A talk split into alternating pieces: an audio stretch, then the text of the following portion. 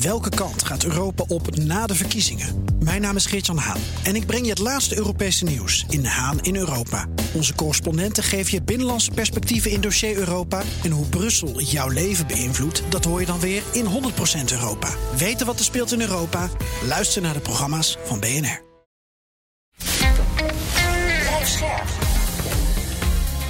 BNR Nieuwsradio. Boekenstein en de Wijk. Hugo Reitsma. Welkom bij Boekenstein en de Wijk. Het is dinsdag, dag 1 voor de Nederlandse Tweede Kamerverkiezingen. En ik had nog, nog wat luisteraarsvragen over liggen, uh, waar me dat nu wel een mooi moment voor lijkt. Te beginnen bij NL Peining. Die vraagt, hoe groot en wat voor effect zal of kan de uitslag van de Nederlandse verkiezing hebben op beide oorlogen? Ik vrees dat dat 0,0 is. 0,0. Ja, je weet het niet. Nou ja, een beetje natuurlijk wel. Want Nederland behoort eh, wel tot de grotere leveranciers inmiddels. Wat zou Nederland zijn? Stuk of nummer vier of vijf? Ja, zoiets. Ja, ja dus als, als, als er een uh, gunstig resultaat is van deze oorlog, althans als Oekraïne toch op een of andere manier vorderingen weet te maken, dan kan Nederland dat ook op zijn konto schrijven. Dat is het ongeveer, denk ik. Maar nee, eh, de echte, het, het, de echte strijd gaat niet tussen Nederland en de rest van de wereld. Uh, maar tussen uh, Amerika en Rusland in de, op dit punt. Dus nog wel intern moeten we nog wel even praten. Want het blijft natuurlijk wel buitengewoon vervelend dat zowel de PVV. Weet je wel, dus Wilders uh, is, heeft de Doema toegesproken, dat weten we allemaal nog. Hè? Hmm. En, en, en Forum natuurlijk helemaal. Maar goed, onze inschatting is natuurlijk dat uh, Wilders is hartstikke slim. Hè? Hij doet nu alsof hij een poeslief kereltje is. En die gaat dit soort dingen, de steun van Nederland en Oekraïne, zal hij niet over beginnen als hij meegaat. Nee, dat denk ik ook niet. Nee, nee. nee die steun blijft wel doorgaan. Welk kabinet er ook komt, die steun die blijft wel doorgaan. Ja. En dat geldt natuurlijk ook voor uh, NSC, uh, ook Eertmans en zo. Dus, uh, en ook BBB weet wel dat ze dat niet moeten doen, denk ik. Ja, het grootste, deel van de, het grootste deel van de partijen wil die steun laten doorlopen. Dat geldt ook voor verhoging van de defensieuitgaven. Dus in die zin denk ik dat dit de, de uit, uitslag van deze verkiezing niet ontzettend veel uh, effect uh, zal hebben op uh, dat conflict. Nee, wel andersom natuurlijk, de conflicten op de Nederlandse politiek. Nou, gek genoeg helemaal niet. Ik bedoel, ik heb het niet gezien tijdens de verkiezingscampagne. Nou ja, er wordt niet weinig rekenschap van gegeven, ja. Oh ja, op die manier, ja. Nee, maar als je gewoon kijkt wat dit conflict deed in de discussies die ik heb gevolgd op radio en televisie en in de couranten, dan moet ik zeggen dat die conflicten eigenlijk nauwelijks impact hebben gehad op, op de hele verkiezingscampagne. Wat op zich wel vreemd is. Want die zijn in zeer. Ja, dat is onbegrijpelijk. Want als het dus fout gaat uh, in Oekraïne of in, uh, uh, in Israël. ja, dan heeft het economische repercussies. We hebben het allemaal over bestaanszekerheid. Maar dan is het ook gebeurd met de hele discussie over bestaanszekerheid. Kan je weer helemaal opnieuw beginnen. Ja, maar ja, goed, buitenland speelt toch nooit een rol bij verkiezingen. Het gaat dan om geld en om binnenlandse ja. culturele ruzietjes. Dat is overal eigenlijk zo, toch? Ja, all politics is local politics. Uh, maar uiteindelijk is dat een buitengewoon kortzichtige manier van redeneren. Want uiteindelijk bepaalt Nederland bijna niks zelf, maar wordt alles in het buitenland bepaald. Niet, niet door de Europese Unie, wat veel mensen denken, maar bijvoorbeeld zo'n oorlog is gewoon essentieel. Of het nou een oorlog in Oekraïne is, of een oorlog in Israël. Voor de context waarin Nederland bijvoorbeeld zijn economie kan, kan ontwikkelen. Als het fout gaat in Israël, dan kunnen we zo de, olieprijzen verdubbelen. Nou, we zijn net uit, een, uh, uit die enorme inflatie gekomen. We zijn, uh, net in, hebben net een periode achter ons gelaten waarin de energieprijzen explodeerden. En dan begint het feest weer van voren af aan. Hè? Dus jongens, ik bedoel, daar moet je gewoon rekening mee houden. Dus die oorlogen en die internationale context bepalen eigenlijk ook de houdbaarheid van de maatregelen die je in Nederland neemt. Nou, dat, -hmm. Die notie ontbreekt totaal in welk uh, debat dan ook. Ja, overigens wel in de verkiezingsprogramma's, toch? Schreef jij in je column vrijdag ja, dat, dat het daar eigenlijk ja. wel erover gaat. Ja, dat is heel vreemd. Dus iedereen erkent dat de wereld aan het veranderen is, maar vervolgens denk je, nou, wat gaat er dan gebeuren? Niks. En dan, ja. uh, ik heb uh, bijvoorbeeld ook eens gekeken van hoe denkt men dan bijvoorbeeld over handelsverdragen? He, want handelsverdragen, dat zijn, die zijn, dat zijn obstakels, eigenlijk verdedigingslinies tegen andere landen. Hè, want daar maak je dan afspraken mee. En dat zijn verdedigingslinies ook tegen economische oorlogsvoering en sancties. Dus je zou denken van iedereen is voor uh, handelsverdragen, maar dat is helemaal niet zo. De, heel veel partijen zijn ontzettend kritisch ten opzichte van handelsverdragen. En die denken, nou, nou ja, eh, half procent groei erbij, dat is, eh, dat is de moeite waard niet. Nee, dat klopt. Maar handelsverdragen gaan al lang niet meer over eh, de vraag hoeveel economische groei genereert dat. Maar het gaat, eh, gaat over de vraag welke landen zijn gelijkgestemd. Wat zijn onze vrienden? Ja, wat ik echt ook heel erg onbegrijpelijk vind is dat, en dat hoor je ook Ruben Brekelmans niet over, waarom maken ze de redenering niet af? Hè? Waarom, als ze zeggen allemaal van ja, NAVO gaat, misschien gaat Trump wel de NAVO opblazen. Mhm. Nou, als, je, als je dat eenmaal gezegd hebt, zou ik zeggen van nou, dan moeten we daar dus scenario's voor klaar hebben liggen, toch? We hebben er duizend keer, die liggen er niet. En Nee. dat heeft denk ik te maken omdat eh, Ruben Brekelmans denkt dan ook electoraal. Als je dus begint over nog verdere verhoging van het defensiebudget, dat veel Nederlanders willen dat denk ik niet. Hè. Dat, zal, dat zal de inschatting zijn. En Hugo zegt terecht ook dat buitenlandse politiek altijd een stiefkindje is van die eh, nationale Ja. politieke debatten. Ik moet wel zeggen, Dirk Boswijk zei in een bepaald debat dat ik via Twitter zo'n flartje kon zien van, ja, misschien moeten we wel naar 4% van het BNP defensie. Hè? Dus die, die, die, die begrijpt het wel. Die begrijpt Maar, het wel. ja. maar ze, komen er niet, ze komen er gewoon niet tussen. Nee. Want, want, ja, want, want in de, bij de focusgroepen staat dus Europa helemaal niet hoog. En Defensie ook niet hoog. Dat Nee, maar als je, dat, als je dat dus doet, Arend Jan, maar jij bent politicus eh, geweest, dan, en, en die, die voorstellen die je doet, die worden zo bepaald door de internationale context waarin Nederland eh, verkeert, dan is de kans dat het vis, misgaat en de uitvoerbaarheid van die eh, voorstellen is buitengewoon gering omdat die internationale wereld steeds volatieler wordt. En dat heeft gewoon te maken met het feit dat er een nieuwe wereldorde ontstaat. Ja, dan kan je vervolgens je, je voorstellen kun je niet, eh, niet gestand eh, doen. En dat betekent toch gewoon dat, dat, we, dat het vertrouwen in de politiek weer de zoveelste klap krijgt. Het is toch ook je, in je eigen voordeel. eh, om eh, te zeggen van mensen, we doen deze voorstellen, maar die zijn wel afhankelijk van de internationale eh, context. En dat betekent ook dat we ten opzichte van de Europese Unie, eh, laten we zeggen, mee moeten gaan met handelsverdragen. Hm. Het handelsverdrag met, eh, Ja. met Australië is god beter het net eh, gesneuveld. Ja jongens, dat zijn, dat zijn dingen die kunnen gewoon niet hoor. En dat gebeurt toch. Ja. Bestaanszekerheid is dus belangrijk. Hè? We zien dus eh, mevrouw Jezielkoes tegen een aarzelende man met een, met een vlassig baardje zeggen... ik voel helemaal met u mee dat u bang bent voor de toekomst van uw kinderen, weet je wel. Maar dus eh defensieanalyses die worden kennelijk niet electoraal verstandig geacht. En dat vind ik jammer, want politici moeten ook leiden. Hè? Je moet ook zeggen, heeft- daar gaan we naartoe. Nou, wat, dat was mijn punt. Eh, ik bedoel, de- je hebt een premier nodig die dit kan vertellen. De Ja. premier is, eh, eh, wordt gezien als de baas van Nederland. Eh, is natuurlijk in de Nederlandse situatie iets genuanceerder, maar uiteindelijk zeker in het buitenland is de baas van Nederland. Is ook degene die ons vertegenwoordigt in, in het buitenland. Als die dus deze relatie niet kan leggen tussen de internationale politiek en je eigen welvaart, je eigen welzijn en je eigen veiligheid, dan heb je echt een probleem. Ja, Dat heeft trouwens nog, Rutte ook moeten leren hoor. ja, heeft hij een paar jaar over gedaan. Ja. Heeft hij ook een paar jaar over gedaan, ja. Hey, we hadden hier nog een vraag over van Sander Rote. Die zegt: De premier is van de high politics, zoals in jullie podcast is gesteld. Alle politici in deze campagne kiezen of hebben geen strategie, ontberen Ja. strategisch denken. Pa, pa, pa, pa. Ik hoop dat Nederland kiest voor high politics en voor een premier die dit hoog in het vaandel heeft. Een idee om daar eens iets over te zeggen in de podcast. Nou ja, dat hebben we al gedaan. Over het verschil tussen high en low politics. En dat leiderschap gaat om niet te luisteren naar de grillen van de bevolking, maar een visie heeft waar het voortbestaan van de staat in een internationaal speelveld nummer één is. Ja, dat is high politics. Dus low politics, dat is nationale politiek. Eh, maar het probleem is dat eh, eigenlijk al een jaar of 20, 30 eh, high politics low politics is geworden. Eh, dat onderscheid is ver- vervaagd. Ja. En dat heeft grote consequenties, want dat betekent namelijk dat je eh, geen expertise meer hebt, ook in de Tweede Kamer, van echte high politics. Dus mensen begrijpen niet hoe dat werkt, mensen begrijpen het belang daar niet van.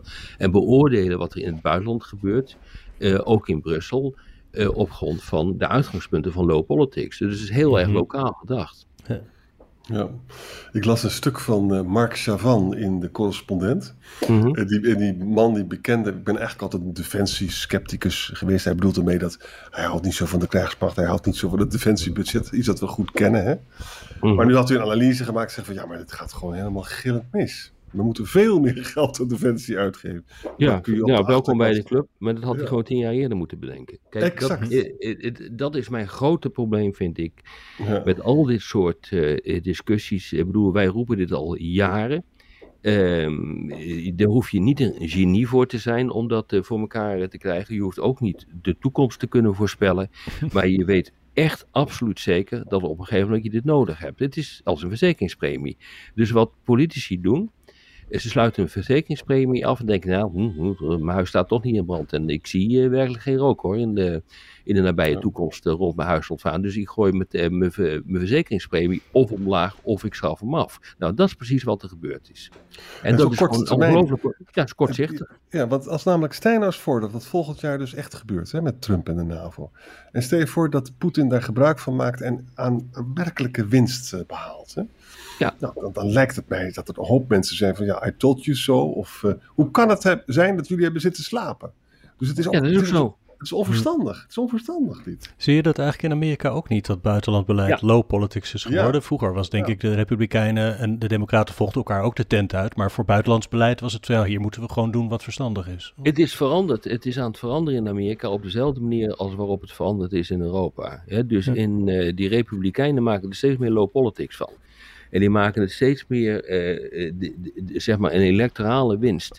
Of het slopen van de president maken ze ondergeschikt aan de positie van Amerika in de wereld.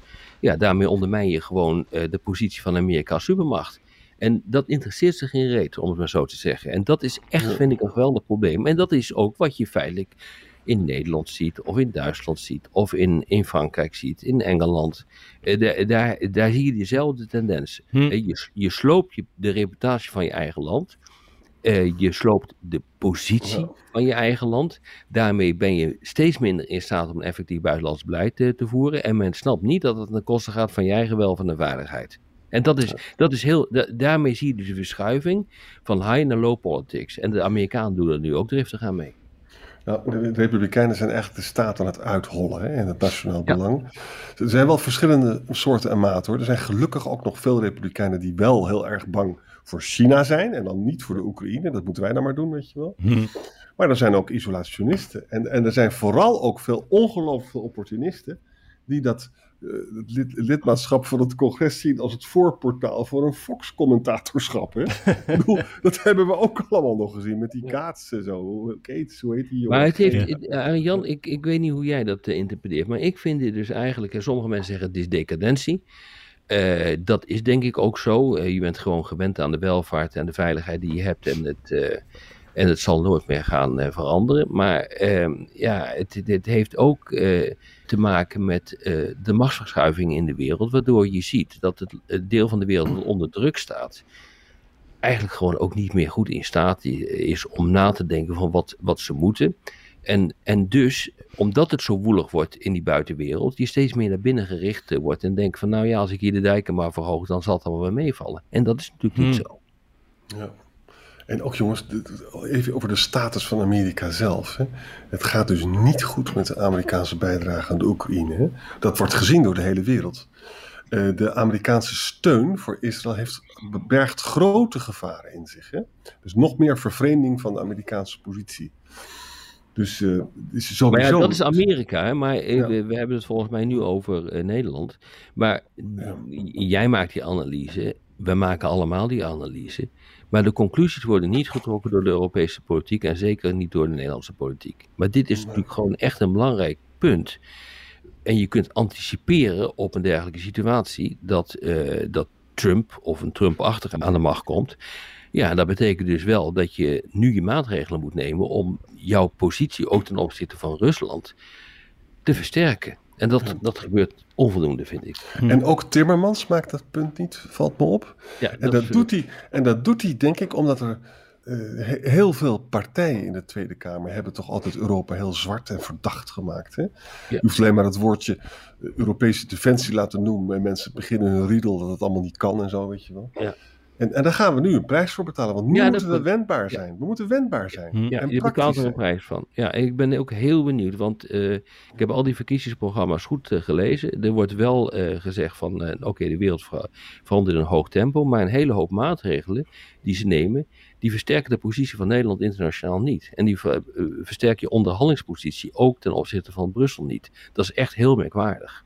Hè, dus het zit hem zelfs in kleine dingen. Hoe je je positie eh, aan het eh, verkleinen bent. Eh, nou, bijvoorbeeld door te zeggen van eh, kenniswerkers, die moeten maar minder verdienen. Die hebben minder belastingaftrek. Ja. Of Engels moet worden geweerd van de universiteiten. Dat zijn hele nationalistische ge- gedachten. Waardoor uiteindelijk je internationale positie wordt, wordt verzwakt. Nou, als je het mij vraagt, zou ik zeggen: ASML kan zijn, zijn eigen mensen best misschien wat meer geld betalen. In plaats van dat het van de belastingbetaler moet komen. Maar goed, dat is dan weer mijn politieke opvatting, I guess. Nou ja, dat kan je wel denken, maar op dit ogenblik. ehm, er stond een groot stuk in het Financieel Dagblad hierover. Eh, grote bedrijven zijn nu ook aan het nadenken om, vanwege die volatiliteit van de Nederlandse politiek en het, en het niet duidelijke richting meer kiezen in je wet en regelgeving, Onvoorspelbaarheid, hè? Ja, daar houden we de onvoorspelbaarheid. En dit hoort ook bij die onvoorspelbaarheid. eh, om te zeggen, van, nou, ons hoofdkwartier, onze rol, die gaat nu naar het buitenland. Hey Rob, eh, Jos Teunissen heeft ook jouw column gelezen vrijdag, want die citeert daaruit de zin als Rusland van Oekraïne wint, slaat blinde paniek toe en schakelen we over op een vorm van oorlogseconomie. En Ja. nou vraagt Jos daarover waarom worden oorlogshitsende politici die een wapenstilstand in maart 22, dus vlak na de Russische inval, afwezen, daar in deze verkiezingsstrijd niet op aangesproken? Ja, wat een mooie vraag is dat. Nou ja, ik herinner me nog goed dat eh, als ik in die tijd het woord, en ik niet eens politicus, het woord onderhandelen liet, liet vallen. Want dat gebeurde namelijk in die tijd. Tot pakweg eind april, begin mei is er onderhandeld tussen Rusland en... Ja. eh, maar als je, dat, als je dat zei, dat dat gebeurde... Ja, dan was je Chamberlain, dan was je een Ja. eh, defaitist, eh, dan eh, was je niet goed snik, dan wilde je Oekraïne voor de bus gooien. Dus het idealisme in die tijd, die, die vierde hoogtij. Hè? Mensen als Hubert Smeets, die, was daar een, die, die, die, die leidde dat debat, onder andere via de NRC. En die zeiden, ja, die, die realisten die willen alleen maar opgeven en die kijken naar de kracht van... eh, van, eh, eh, van Moskou. En eh, die willen eigenlijk helemaal niet dat Oekraïne dit, dit wint. En die zorgen ervoor dat er te weinig wapens gingen, Hm. eh, gaan naar, naar Oekraïne. Was natuurlijk allemaal flauwekul. Ik bedoel, eh, eh, we zijn altijd voor die wapenleveranties eh, geweest. Maar je moet ook gewoon een objectieve analyse maken van de situatie. Nou, die, die, die, in die tijd was die, die objectieve analyse van de situatie niet mogelijk. Was niet de- populair. Nee. Ja, maar- nee, en, en je werd gewoon echt gewoon, afgeserveerd als je dat wel deed. En een man als Boris Johnson heeft daar ook een hele belangrijke rol in gespeeld. Want die ging naar Zelensky toe aan het begin van die oorlog. En die zei, nou het gaat zo goed. Je hebt net die, eh, eh, die Russen uit het eh, noorden verdwenen. En moet je eens kijken hoe goed je het doet in, eh, in het zuiden. Dus dat, eh, dat red je wel. Ga vooral niet onderhandelen en zorg niet dat er een akkoord komt. Hm. En dus dat is heel erg schadelijk geweest. Ja. Maar overigens denk ik wel, Rob, dat de Russen nooit een intentie hebben gehad om daar heel serieus te onderhandelen in Istanbul. En, en Zelensky al helemaal niet. Ik denk dat het nooit een kans heeft gehad, omdat kennelijk eh, Poetin heel snel de conclusie heeft getrokken van nou, het noorden is een puinhoop geworden, maar de Donbass zit ik, zit ik wel lekker. Ja, dat, de, historici moeten dat uitwijzen. Maar ik had het gevoel dat toen zij uit het noorden werden verdweven, dat er wel degelijk een mogelijkheid was om eh, te komen tot een, eh, tot een akkoord. En dat, dat, dat dat door Oekraïne ook geblokkeerd is, omdat het gewoon te goed ging. Ja. Ja dat Maar dat, eh, we weten dat niet zeker. Dat moet onmiddellijk worden gezegd, want het is gewoon echt te vers. En dan zullen ook echt gewoon de archieven open moeten gaan. Dus wat er echt is gebeurd, weten we pas over een tijd. Ja. Ik denk dat Poetin zo eh, dronken was van zijn eigen historische interpretatie dat Oekraïne niet bestond, dat hij sowieso door moest gaan in de Donbass, ook voor zijn, om zijn gezicht te redden. Maar nog even gewoon- terug, terug naar die vraag. Eh, ja, eh, de, sfeer was er niet naar. En ik moet eh, zeggen dat op dit ogenblik de sfeer er nog steeds niet naar is. De analyse die wij maken, die wordt steeds meer gedeeld. Waarbij we helemaal niet zeggen dat wij echt kunnen voorspellen of Oekraïne dit gaat verliezen. Maar we zijn er al bijna een jaar toch redelijk somber over.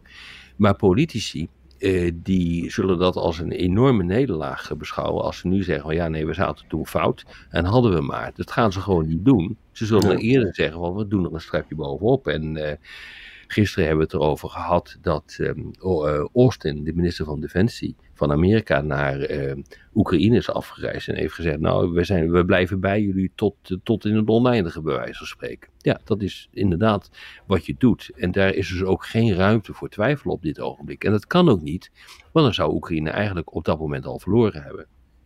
Ja, maar goed, heel veel hangt ervan af of dus die uh, Republikeinse senatoren nog met een voorstel komen om de zaak los te trekken, die Lindsey Kramer. Maar ik hoor daar niks meer over.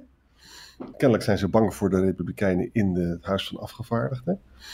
En kijk, luister eens, als Amerika niet loskomt met dat geld, ja, dan gaat het heel slecht. Dan gaat het heel slecht. Ja, ja, ja. ja, ja. Nou, eh, ik, nee, dat, eh, nou, Poetin had niet helemaal gelijk toen hij zei van als Amerika stopt, dan kunnen ze nog een week doorvechten en is het gebeurd. Maar dan wordt het wel heel erg lastig, moet ik zeggen. Ja, en dan wordt de druk dus om te gaan onderhandelen, wordt vanzelf wordt dat vloeibaar, hè? Nou ja, ik bedoel, we hebben nu ook uh, gisteren even tussen neus en lippen genoemd uh, dat Scholz, de uh, bondskanselier, nu ook al heeft gezegd, Poetin, zet even een eerste stap. Dus ja. Ik, ja, weet je, het zit nu wel zo vast dat ook Poetin, die weet dat hij misschien wel de langste adem heeft. Maar ook als je nu ziet, waar we het gisteren ook over hebben gehad, dat die opiniepeilingen in Rusland aan het verschuiven zijn, ten nadele van deze oorlog, ja, dan zou er misschien toch een situatie kunnen komen dat, nou ja, dat er op een of andere manier toch een bereidheid eh, bestaat om te gaan onderhandelen. Ja. En wat dan het vervelende is, is dat je dan een situatie krijgt die voor Oekraïne veel slechter is dan uh, uh, alweer bijna na anderhalf jaar geleden. En we zijn ook nog een paar honderdduizend doden verder. Ja. ja. Al die pijnlijke dingen komen weer terug straks. Ja. Och, jongens. Ja.